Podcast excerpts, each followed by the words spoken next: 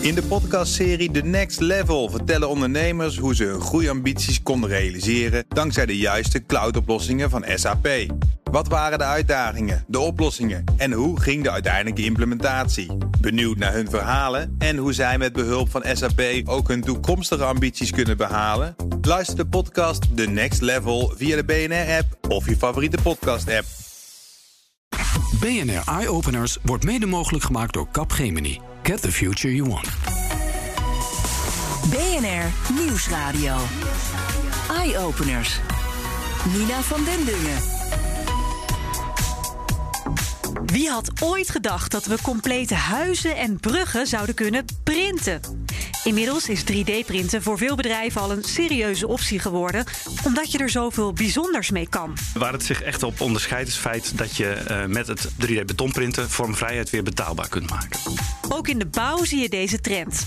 Daar wordt steeds meer geëxperimenteerd met deze technologie. Ik zei het al, complete huizen en bruggen worden inmiddels geprint. En dat is dan dus ook echt een wezenlijk ander bouwwerk dan we gewend zijn. Eigenlijk is dit toch wel een hele grote transitie, omdat misschien het element nog wel steeds lijkt op een, een wand of een brug of een kolom. Maar de manier van maken erachter is, uh, los van het printen, compleet anders. Maar hoe werkt dat precies? En hoeveel goedkoper, sneller of beter is het om te printen dan te bouwen volgens de traditionele methode? Maar je kunt producten met 3D-printen wel beter maken, sterker maken, lichter maken. Je kunt er features in toevoegen, dusdanig dat een product zeg maar, meer te bieden heeft als dat het nou op een traditionele manier geproduceerd kan worden. Vandaag dus een aflevering over 3D-printen in de bouwsector. Ik ben Nina van den Dungen en welkom bij BNR Eye Openers. Ja, wat je nu ziet, en uh, in, in bijna de hele wereld, is dat er echt geëxperimenteerd wordt. Theo Salet is hoogleraar Structural Design bij de TU Eindhoven en hij weet alles over 3D betonprinten. Met zijn kennis en kunde helpt hij bouwbedrijven om de stap te maken naar 3D geprinte bouwsels. Dat gaat van uh, niet-constructieve toepassingen zoals plantenbakken. Uh, richting trappen, zoals taludtrappen, die zien we in Nederland bijvoorbeeld gemaakt worden. Ook, maar ook naar de constructieve toepassingen. Dan zie je in, het, in de bouw de eerste woningen verschijnen. Dat zijn dan vaak de wanden van de woningen die nog geprint worden, nog niet de vloeren. -hmm. Uh, en wat je ook ziet is uh, in de civiele bouw, hè, in de, de, de, de, eerste bruggetjes zijn daar uh, mooie voorbeelden van. Dus wat je nu doet is als je als voorbeeld even de, de, de bruggetjes neemt die we gemaakt hebben, of we gemaakt hebben, die de industrie gemaakt heeft, met, met hulp van kennisontwikkeling vanuit de universiteit. Mm -hmm. Um, dan zie je dat je dus delen maakt. Bijvoorbeeld, je maakt dus, als je een brug ziet, die bestaat uit een, een, aantal elementen die we achter elkaar zetten. En bij elkaar vormt het dan de, de, as van die brug. En die elementen worden losgeprint. En eigenlijk 90 graden gedraaid. We printen de doorsnede van zo'n brug. En die, die moten, die elementen, die worden dan op, met een vrachtwagen naar de locatie gebracht. Mm -hmm. En dan aan elkaar geregen. Dat is eigenlijk wat er nu gebeurt. En dat gebeurt eigenlijk met de woningen hetzelfde. De wandelementen die worden geprint. Het zijn vaak driedimensionale elementen, zijn hoekelementen. Die worden geprint en die worden op vrachtwagen gezet, op locatie neergezet. En dan komen de kozijnen ertussen en komt het dak erop. In 2021 werden de eerste vijf 3D-geprinte huizen opgeleverd. Die staan in Eindhoven. En de bruggetjes waar Theo het over heeft, die liggen onder meer in Amsterdam. Namelijk een 12 meter lange stalen brug. Het werelds eerste brug die volledig uit de 3D-printer kwam. En in Nijmegen, waar de langste 3D-geprinte betonnen brug ligt. Maar betonprinten, hoe doe je dat eigenlijk? Theo legt het uit. We hebben een, een heel groot apparaat waarbij we niet beton storten hè, in, een, uh, in een grote mal. Maar het apparaat wat dat doet, is dat beton in laagjes uh, heel erg precies neerleggen. Je moet je voorstellen dat dan uit, aan het einde van een slang beton eruit komt. Ehm, die slang die beweegt, legt een heel dun laagje beton neer. En als hij weer terug is bij het begin, dan gaat hij een beetje omhoog, legt hij er weer een volgend laagje beton op. En als je dat maar een tijdje door laat gaan, dan heb je een, bijvoorbeeld een hele muur staan. En dat betekent dat je dus in de praktijk de hele uh, stap overslaat van beton storten, waarna het uh, door mensenhanden in een laagje moet worden gelegd, toch? Ja, dat doe je. En wat je ook daarmee overslaat, is natuurlijk de stap dat uh, nou, als je beton kent, dan weet je dat dat kan je gieten in een kruiwagen en dan kan je het ergens in een kist gieten. Uh, maar die, moet, die kist die moet dat, hè, die, dat, dat, uh, die moet dat bij elkaar houden.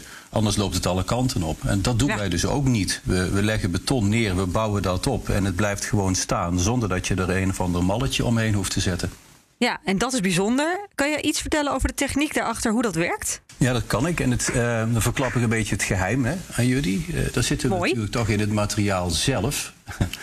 en dat is, um, kijk, die, er zitten eigenlijk twee kanten aan. Uh, wij noemen dat in, in die printwereld dan gauw het, het droge systeem en het natte systeem. Dat klinkt ingewikkeld, maar het gaat aan één kant om die printer. Dat is eigenlijk misschien wel het makkelijkste idee omdat je dan, um, ja, je hebt een menginstallatie waar je je beton aan maakt. En dan heb je een pomp en dan pomp je het door een slang. En op het eind van die slang komt het eruit. En die slang geef je eigenlijk gewoon in de handen van een robot. En die robot die loopt een, wat wij dan een printpad noemen, die loopt een bepaald pad af.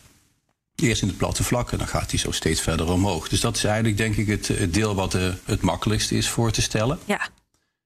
Het andere deel is natuurlijk het deel van het beton. En, uh, want dat zou normaal gesproken weglopen als je het neerlegt. Gaat alle kanten op. Uh, daar is het ook vaak voor gemaakt, omdat het dan makkelijk in een mal overal zijn weg kan vinden en goed, goed kan verdichten. En bij ons moet het dus blijven staan. En dat betekent dat je dat beton een eigenschap mee moet geven, die wij maar noemen uh, ja, vormvast. Dus ik leg het neer en dan moet het heel erg goed verpompbaar zijn als het door de slang gaat. Maar op het moment dat het laagje daar ligt, moet het gewoon blijven liggen. Dat heet texotropie. Mm-hmm. En mayonaise en tandpasta en zo hebben die eigenschappen ook. En het is dus, we praten wel over echt beton, hè? Uh, alleen is er dan aan die mix dus iets toegevoegd waardoor het vormvast blijft? Nou, uh, uh, zo kan je het zien, maar het, het, verhaal is eigenlijk wat gemakkelijker, omdat beton van nature deze eigenschap al heeft. En daar maken we gebruik van. Alleen die eigenschap wordt bij het storten van beton in zo'n mal wordt er iets aan gedaan om die eigenschap eruit te halen en het beton juist makkelijk zelfverdichtend te maken. Dat het mooi alle kanten opvloeit. Ja, ja. Dus wat wij eigenlijk doen is het gewoon weglaten van die toevoeging. Het is eigenlijk veel simpeler dan dat je denkt. Ja, en wordt dat dan dus ook direct op de locatie gedaan? Je moet natuurlijk een muur bouwen op de locatie waar het huis of, of de brug komt te staan. Ja, dat zou je kunnen doen. En er zijn uh, in de wereld ook voorbeelden dat dat gebeurt. Uh, maar het is niet de makkelijkste manier van doen. Uh, moet je voorstellen dat ja, gewoon beton aanmaken, hè, drie scheppen grind, twee scheppen zand en, een, uh, en één schep water, als dat met een schep zou kunnen.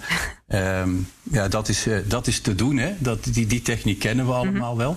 Maar zo gauw als je het gaat printen, het verhaal wat ik net vertelde van die robot en het materiaal, dan merk je toch dat je van een low-tech naar een high-tech uh, techniek gaat. Um, en die is gevoelig voor zijn omgeving. Dus als het warmer is, uh, of het waait. Uh, regen is misschien wel het allergemakkelijkste voorbeeld om je voor te stellen. Ja, dan wordt, uh, dan wordt alles anders. Als bijvoorbeeld bij ons de temperatuur van het water uit wat uit de kraan komt, wat we gebruiken om die beton aan te maken. Als dat op maandagochtend het eerste half uur nog even anders is, omdat het water binnen heeft gestaan. Hè, voordat het, en dat water wat dan een half uur later komt, is nog van, van buiten en kouder. Mm-hmm. Dan zien we al verschil in kwaliteit. Dus, dus we kunnen het op dit moment het beste nog binnen doen, omdat daar de omstandigheden gewoon beter geconditioneerd zijn.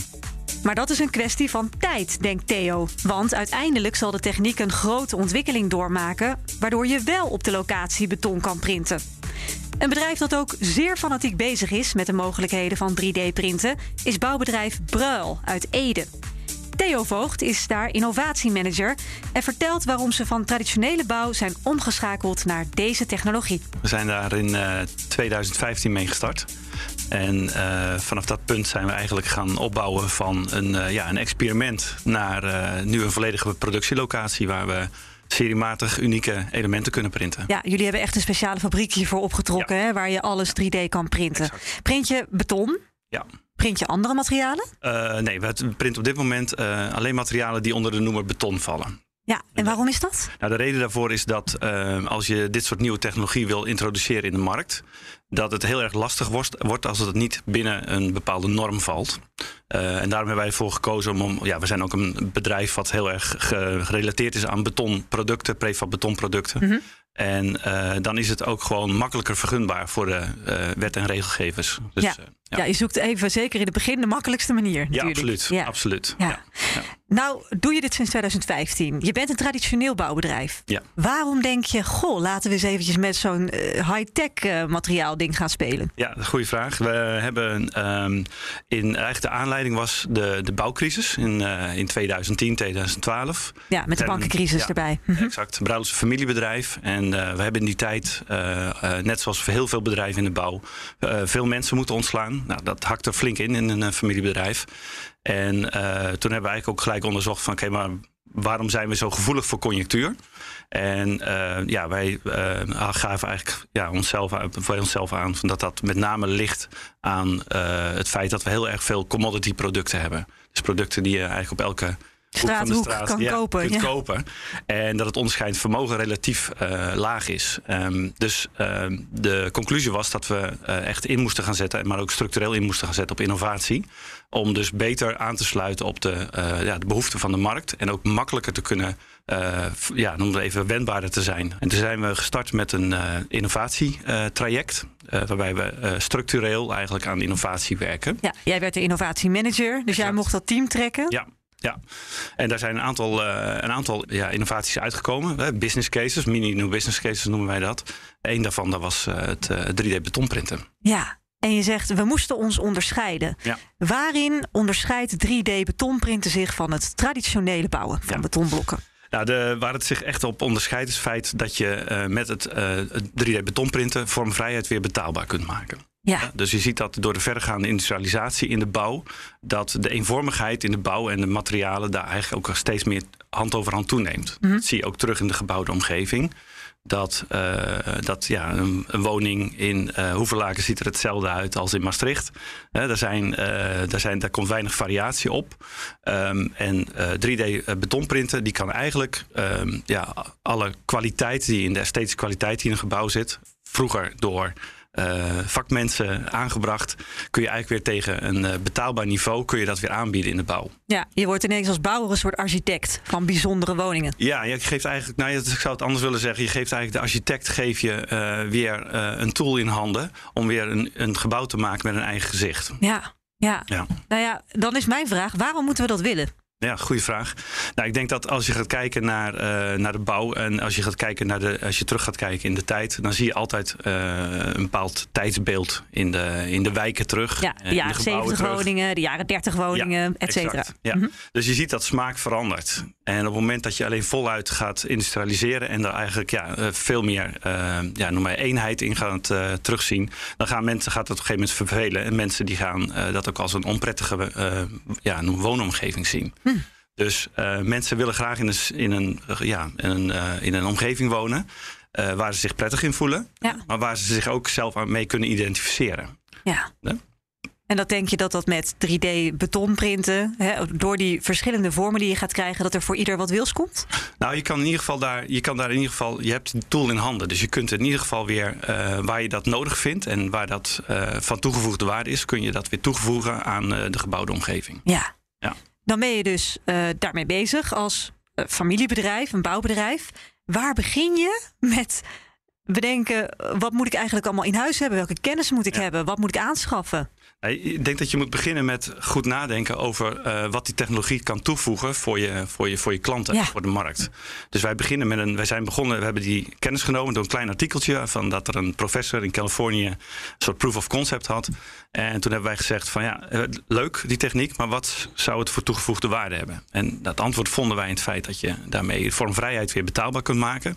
Dus je, wij hebben voor gekozen om voor architectonisch beton te kiezen, omdat je daarmee eigenlijk de gebouwen weer kunt upgraden en een betere uitstraling kunt geven. Ja, want dat, Eh. wat is dat anders dan gewoon beton, architectonisch beton? Ja, eh, je hebt constructief beton. Dat zit gewoon, ja, daar, daar, daar leunt ieder gebouw Ja, bijna op. dat is lelijk om te zien. Ja, ja, dat is grof en dat is ruw. Mhm. Wij proberen juist een esthetisch een heel hoogwaardig product te leveren, wat eigenlijk direct als een geaccepteerde afwerking eh, eh, ge- gebruikt Ja, wordt. dus eigenlijk bij wijze van spreken zit de verf en de coating er al op Ja, ja. als hij uit de printer ja, zoveel komt. mogelijk. Hm. Ja. Ja, Ja. Je probeert eigenlijk zo min mogelijk lagen weer toe te voegen. Want dat heeft ook weer ja, als voordeel dat je daarmee ook bouwkosten kunt besparen. Ja, Ehm, en eh, dat je ook daarmee ook gewoon een, het, proces goedkoper kunt maken. ja, dus dan, eh, om het maar even flauw woordgrap, je stort je op het architectonisch beton. Ja. Maar je moet dus inderdaad wel weten, eh, je, je hebt een klant die dat wil. Ja. En daar ga je dan mee experimenteren. Hoe gaan we dit doen? Ja, exact. Dus na die business case hebben we eigenlijk gezegd van oké, dus daar richten we ons op. En daar, zijn- toen zijn we eigenlijk gewoon begonnen. Dus we hebben ergens een robot vandaan gehaald. Zeiden, nou, laten we eens kijken of dat we dit eh, tot leven kunnen brengen. Maar dan moet je iemand in huis hebben die wel iets snapt van, van die Ja. high-tech, eh, Ja. eh, van, van die technologie. Ja, nou dat is wel leuk. Dat, de combinatie is eigenlijk dat je, we hebben natuurlijk mensen die al tientallen jaren bij ons in de betonindustrie werken. Heel veel verstand hebben van het maken van mengsels. Het, het, het, het, het, het, het ja, ontwikkelen van pomp- en menginstallaties. Mhm. Ehm, het enige wat wij op dat moment ontbeerden was robotkennis. Ja. Nou, daar hebben we weer een, eh, een jonge, jonge man Een van, robotkenner eh, voor. gevonden. Ja. Ja, ja. En die heeft dat toegevoegd aan het team. En daarmee zijn we eigenlijk op hele kleine schaal begonnen. En stap voor stap, wij noemden dat R&Do.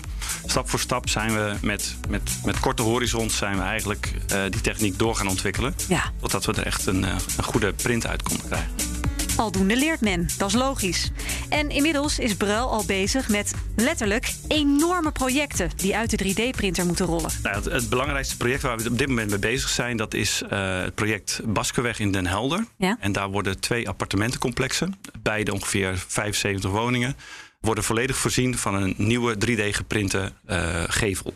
Oké, dus niet het gebouw zelf, Nee. maar alleen de gevel. Ja, het zijn, eh, je moet je voorstellen, de flats worden volledig, dus alle, alle gevels worden dus eh, voorzien van een nieuwe schil, dus van een nieuwe gevel. Eh, de flats zijn zelf gewoon nog goed. De mensen blijven ook gewoon wonen Ja. in het. Maar qua uitstraling zijn ze gedateerd. Mhm. En eh, zijn, is het ook ja, hele monotone flats. En wat we gaan doen is, we gaan aan de voorzijde gaan we de balkons uitbreiden. En daar komt een soort Gaudiaans-achtig gegolfde eh, balkonstructuur komt daar eh, voor te staan. Dus we krijgen Spaanse invloeden. Ja, We wanen ja. ons straks in Den Helder in een beetje in Barcelona. Ja, ja, het heeft wel iets mediterraans als je naar kijkt. Gaaf. Ja. Oké. Maar dat is natuurlijk een, de keuze van de architect. Hè. De architect kan zelf bepalen of hoe strak of hoe golvend of hoe. Ja, ja, en jij print het alleen maar. Ja, wij printen maar toch, Ja. dat is wel een, een, een gave klus, denk ik. Is dat ook meteen de grootste klus die jullie ooit ge-3D-print hebben? Ja, ik vermoed zelfs dat het de grootste 3D geprinte, eh, de 3D geprinte project ter wereld is. Hè. Dus Zo. het gaat om 1400 elementen op bouwschaal. Dus dat zijn elementen die eh, ongeveer 5 meter breed zijn en, eh, en soms eh, anderhalf, twee meter hoog. Mhm. Ehm, en daar gaan we er ongeveer 1400 van maken. En er wordt eigenlijk die hele flat mee eh, Bekleed. bekleed. Ja. Ja, ja. Ja. fascinerend. Ja. En ik ben dan benieuwd naar de kosten. Nou, wat het beste kan zeggen is dat, kijk, ehm, de, de, de belangrijkste reden waarom eh, de woningcorporatie hiervoor gekozen heeft, is dat ehm, het alternatief was eh, slopen en nieuwbouwen. Hmm, Nou, dat is duurder. Ja, dat is duur. Mensen moeten eh, eh, verhuisd uit, ja. En, en dat is een heel ingewikkeld proces. Ehm, terwijl eigenlijk het casco van de, van de flat eigenlijk nog heel erg goed is. Dus ehm, als je nu de kosten gaat vergelijken met, noem het maar even, nieuwbouw, dan zijn, is het veel goedkoper. Ja. Als je het gaat eh, vergelijken met een standaard renovatie, kan dat ongetwijfeld ook goedkoper. Maar dan Eh, krijg je niet Gaudiaanse toestanden. Ja, krijg je nu eigenlijk een, eh, een flat waar mensen zich mee kunnen identificeren. Wat zijn de nadelen van deze technologie? Nou, het, het is eigenlijk heel disruptief, deze technologie. Dus dat betekent dat het, dat de, dat het niet zomaar heel makkelijk in de bestaande bouwstructuur en de bouwprocessen in te passen is. Eh, daarvoor, eh, als je de echte voordelen wilt, eh, goed wilt benutten, dan eh, zijn er enorm veel kansen om dat efficiënter te doen. Alleen er is een bepaalde conventie over hoe je samenwerkt. En als je dan, dat, als je dan de, de kwaliteit van de nieuwe techniek wil benutten, dan merk je dat eh, dat veel extra tijd en energie kost om dat weer te integreren. Het is weerstand vanuit de traditionele Ja. bouwers. Ja. Nou ja, weerstand, het is gewoon anders. En, eh, Ze hebben de kennis niet, dus ze weten niet, wat ze, waar ze mee te maken krijgen. Ja. je kan niet op de, op de noem automatische piloot dit zomaar even integreren. Tuurlijk, het is nogal een drempel. Plus, 3D-printen is niet goedkoop. Maar de kosten gaan de komende tijd wel steeds verder omlaag. Zo voorspelt Theo Salet van de TU Eindhoven. Bijvoorbeeld een gemiddeld huis. Hoeveel goedkoper kan je dat op, op termijn met een 3D-printer? Ja, dat ik weet ik natuurlijk niet. Hè. ook een hoogleraar kan niet door een glazen bol kijken. Maar nee, maar je hebt wel vast een schatting, moet... een ruwe schatting. Je, je, daagt me uit. Nou, ik, ik denk dat het 25% uh, sneller moet kunnen. Maar ik denk dat we 50% uh, duurzaamheidswinst moeten kunnen maken. Kijk, er zijn twee soorten kosten. Eén is geld. Wat, wat kost die woningen? Mm dat is de, ik denk dat dat, als ik een getal zou moeten noemen, dan, dan, dan, dan zou ik zeggen 25 procent. Dat vind ik een heel mooi streefgetal. Goedkoper dan, een, dan de huidige bouw van een huis. Ja. Goedkoper, ja, goedkoper. En uh, ik zou er daar misschien nog wel iets op, op aan willen vullen. Uh, maar die, die, energie, die, die duurzaamheidswinst is net zo belangrijk. Die is misschien uh, vandaag nog niet in euro's uit te drukken. Mm -hmm. Maar als je dat gaat kapitaliseren met elkaar als samenleving, is die uh, ik denk mensen zo belangrijk. Ja, ja. Uh, wat we nu zien, en je vroeg me in het begin van wat printen we? Nou, hele woningen en hele bruggen. En dat doen we natuurlijk om, uh, om te oefenen, om te leren. Hè. En, dat, uh, maar maar het is natuurlijk niet per se noodzakelijk dat je met de printtechniek een complete woning of een complete brug print. Het zou dus kunnen zijn dat je onderdelen gaat printen. En dat zien we dus nu om ons heen. kijk in de krant, een aantal grote bouwbedrijven Van Wijnen, Heijmans, die ontwikkelen nu uh, fabrieken waar woningen worden gemaakt. Mm -hmm. En dat zijn straks woningen die natuurlijk van de lopende band af gaan komen. En ik kan me heel goed voorstellen ja. dat om. Ja, prefab. Ja. En dat is natuurlijk ontzettend fijn, want dat gaat ook heel erg helpen in die vraag die je net stelde om die prijs van die woningen naar beneden te krijgen. Om, om, en om die woningopgave te gaan versnellen met elkaar. Dus dat zijn uh, fantastische ontwikkelingen. Maar, maar het worden, als we niet oppassen, een beetje het Henry Ford verhaal natuurlijk, allemaal woningen die om elkaar gaan lijken. Ja, precies. Leidse Rijn in Utrecht. Ja, dat willen we niet, denk ik. En, en ik denk dat we dat de samenleving ook niet willen. Dus ik voorzie in, in technologieën zoals 3D-printen, die juist heel veel vormvrijheid hebben, dat je ja, dat je net eventjes dat industriële maatwerk kunt gaan leveren. De woningen aan kunt gaan passen aan jouw wensen. Dat je, dat je thuis aan de, aan de keukentafel kunt bedenken... dit zou ik graag willen. In de basis kan dat komen uit zo'n fabriek. De aanpassing die het persoonlijk voor je maakt... die, uh, die doe je dan met een technologie als 3D-printer. Nog even iets verder kijken dan alleen de bouw. Het bedrijf Oceans print bijvoorbeeld zowel voor de bouwsector als voor medische doeleinden. Frank Elbersen werkt er als sales engineer en vertelt wat er daar zoal uit de 3D-printer rolt. Dat zijn moquettes, dat zijn prototyping uh, van verschillende soorten materialen, mm -hmm. interieurproducten, maar ook uh, machineonderdelen of uh, onderdelen die gebruikt worden tijdens een, een OK bijvoorbeeld. En wat gebruik je bijvoorbeeld tijdens een OK wat uit de 3D-printer kan komen? Uh, dat zijn uh, boormalletjes, zaagmalletjes. Uh, die bijvoorbeeld, ja, dat zijn brezes, ortheses die bijvoorbeeld aangebracht gaan worden. Ja, en voor jou klinkt dit heel logisch, maar voor een luisteraar die denkt: ja, maar hoe, hoe doe je dat? Hoe gaat er nou een bepaald materiaal stop je in een printer? En, mm. en hoe werkt dat dan? Ja.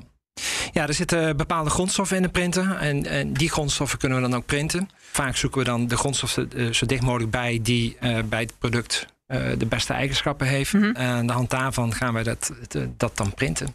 Kan het met elk materiaal? Kan elk materiaal in een printer? Nee, nee, nee. Wat, wat gebruik je zo al wel? Dat zijn verschillende soorten kunststoffen, verschillende soorten metaal waarmee geprint wordt. Beton natuurlijk voor de bouw. Beton voor de bouwwereld. Dus eigenlijk alles kan geprint worden. Wat is het voordeel van 3D-printen ten opzichte van eigenlijk de traditionele manier van dit soort dingen maken? Ja. Want ja, uiteindelijk bestond het al. Klopt, ja. Nou, um, wij zeggen altijd je moet 3D printen, uh, zeg maar, om daar ook de voordelen van, uh, van te zien. En uh, niet om te 3D printen, want inderdaad, wat je al zegt, die technieken bestonden eigenlijk al om producten te produceren. Maar je kunt producten met 3D-printen wel beter maken, sterker maken, lichter maken. Je kunt er futures in toevoegen, dusdanig dat een product uh, zeg maar meer te bieden heeft als dat het nou op een traditionele manier geproduceerd kan worden. En hoe kan dat, dat een 3D-printer dat beter kan dan de traditionele manier? Door de vormvrijheid die het heeft met het, uh, het produceren. Dus uh, normaal gesproken zitten, zitten producten of in mallen of het wordt gevreesd. dan heb je toch een beetje de beperkingen. Uh, en met 3D-printen heb je die beperkingen niet. Nee, want je maakt laagje op laagje ja. op laagje. Hè? Ja, je bouwt je product op zoals jij het wilt. Ja, ja. precies. Hoe lang duurt het, het, printen van iets? Laten we bijvoorbeeld het eerst even makkelijk beginnen. Uh, een zo'n tool voor uh, een OK, een, een zaagje of een dingetje. Het, het, het, voordeel van onze technieken die wij in huis hebben, waar wij in gespecialiseerd zijn, is dat wij niet één product tegelijkertijd printen, maar meerdere producten tegelijkertijd in een printer kunnen nesten en ja. vervolgens dan zeg maar, een productie op kunnen starten. Zo'n productie, dat kan afhankelijk van de hoogte van de producten en de hoeveelheid producten ja, kan dat een, een, een paar uur zijn, maar dat kan ook een paar dagen zijn. Dat we kunnen ja. doorproduceren aan één stuk door. Maar bijvoorbeeld een zaagje op de OK, dat, dan, dan, dat is niet zo groot. Zaagmalletje, dat, dat zou met een paar uurtjes geprint kunnen worden. Eentje, ja. één stuk. Ja. Ja. Is het daarmee um, duurder of goedkoper dan de traditionele productie? Nou, als je naar de eindprijs gaat kijken, zou het waarschijnlijk duurder zijn. Als je gaat kijken naar wat die snelheid allemaal op gaat leveren. Um, dan moet je denken aan bijvoorbeeld, we dwalen een beetje af. We zitten in die OK-wereld zitten we nou te praten, maar dan, dat geldt eigenlijk ook voor die bouwwereld. Zeg maar, die ontwikkeling uh, kan met 3D-printen veel sneller gaan. Nou, stel, stel we kijken naar die bouw. Ja. Wat print je voor de bouw? Wat echt, uh, zeker als, als naarmate de, de, de, het wordt opgeschaald. Uh, wat print je voor de bouw dat dan echt goedkoper kan dan op de traditionele manier? Door in plaats van tienduizenden stuks te gaan laten spuitgieten bijvoorbeeld. Hè. Dus een klassieke print, of een klassieke productieproces. Mm -hmm. uh, waarbij je tienduizenden stuks op voorraad moet gaan nemen.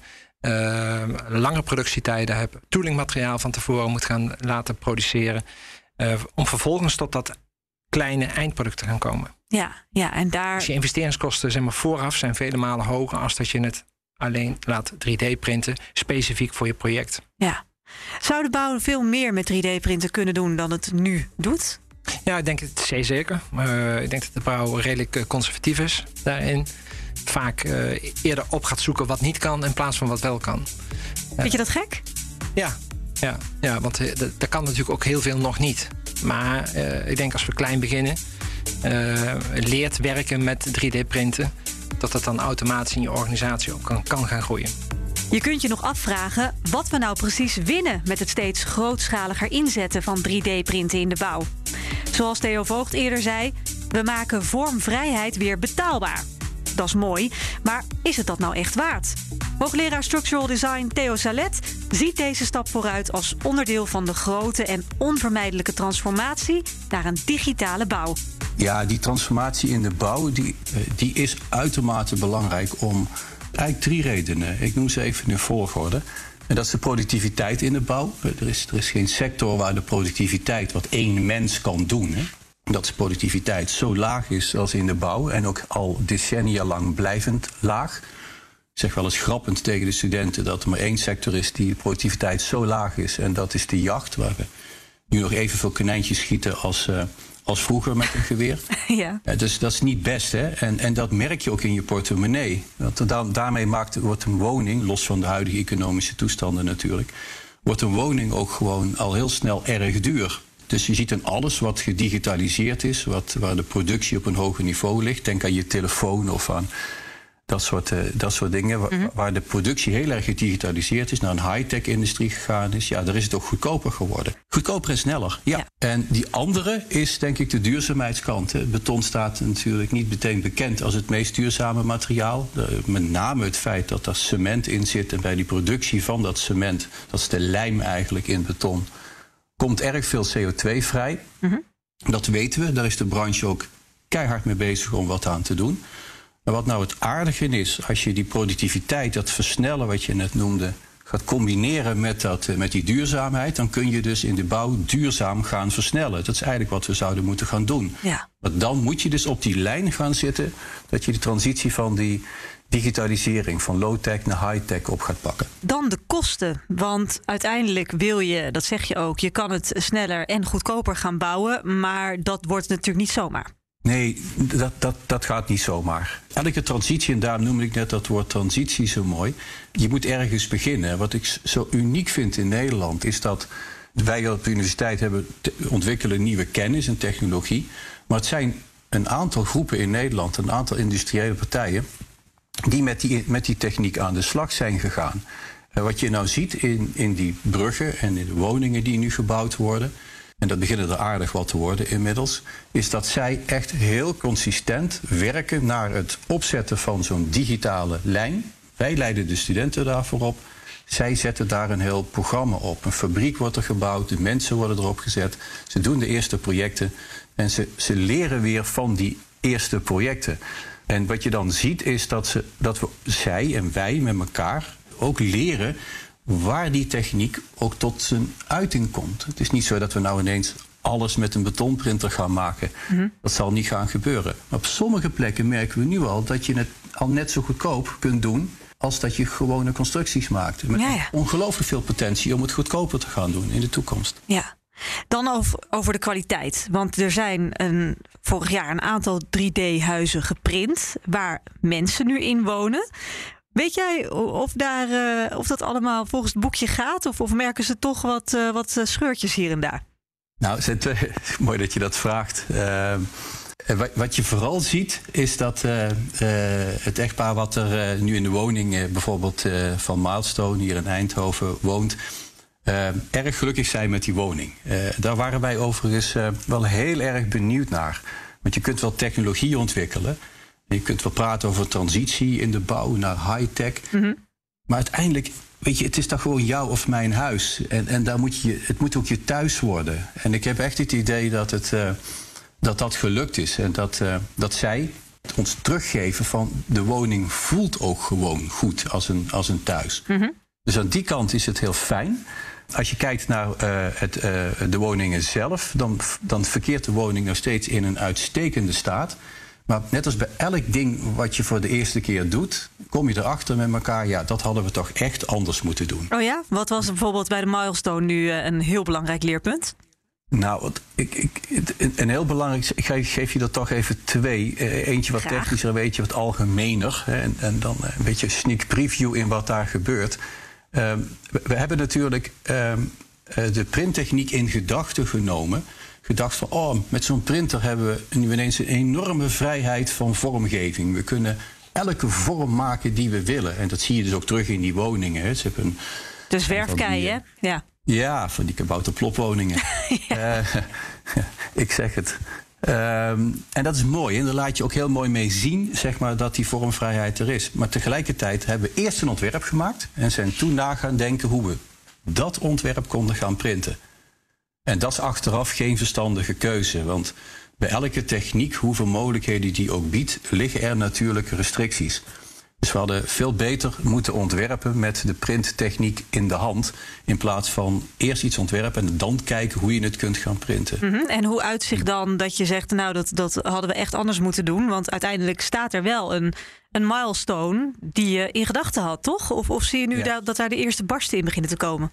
Nee, daar zijn we heel erg trots op. Hè? Maar als je kijkt naar het oors- oorspronkelijke plaatje, zouden die wanden heel erg ver naar buiten hellen. 45 graden naar buiten. Maar toen we dat aan het printen waren, viel dat natuurlijk om. Eh, Ja, er zit ja. een grens aan, die, aan wat ik net vertelde, ja, die vormvastheid. Als het materiaal. Ik, je moet je voorstellen, als je twee meter hoog bent, dan kun je met je handen de beton er naar beneden gewoon uitpakken. Ja. Als dat onder 45 graden naar buiten helt, ja, en er zit een limiet, dan valt het toch echt om. Ja, Dus daar hebben we van geleerd. En wat we ook zien is dat we nu, omdat we dunwandig printen, we printen alleen materiaal waar we het echt nodig hebben. Daar komt die duurzaamheidscomponent weer. Dan zie je dat we, waar we vroeger hele massieve constructies hadden, die, die, die zeg maar tegen een stootje konden, dat we nu heel dunwandig aan het printen zijn. Dat betekent als het buiten koud wordt, wordt meteen je hele constructie koud. Als het buiten droog gaat drogen, het zonnetje schijnt, droogt in één keer de hele constructie op. En niet alleen het buitenhuidje. En daardoor komen er af en toe heel plaatselijk nog wel eens scheurtjes voor. ja, ja. Maar dat is echt iets wat we moeten gaan leren. Dit was hem voor deze week. Meer afleveringen van dit programma vind je op bnr.nl/slash eyeopeners. En volgende week gaan we praten over deelauto's, deelfietsen, slimme stoplichten, oftewel urban traffic. Hoe ziet het Nederlandse verkeer er over pak een beet 20 jaar uit? Dat hoor je volgende keer. Ik ben Nina van den Dungen en graag tot dan. BNR Eye Openers wordt mede mogelijk gemaakt door Capgemini. Get the future you want. In de podcastserie The Next Level vertellen ondernemers hoe ze hun groeiambities konden realiseren dankzij de juiste cloudoplossingen van SAP. Wat waren de uitdagingen, de oplossingen en hoe ging de uiteindelijke implementatie? Benieuwd naar hun verhalen en hoe zij met behulp van SAP ook hun toekomstige ambities kunnen behalen? Luister de podcast The Next Level via de BNR-app of je favoriete podcast-app.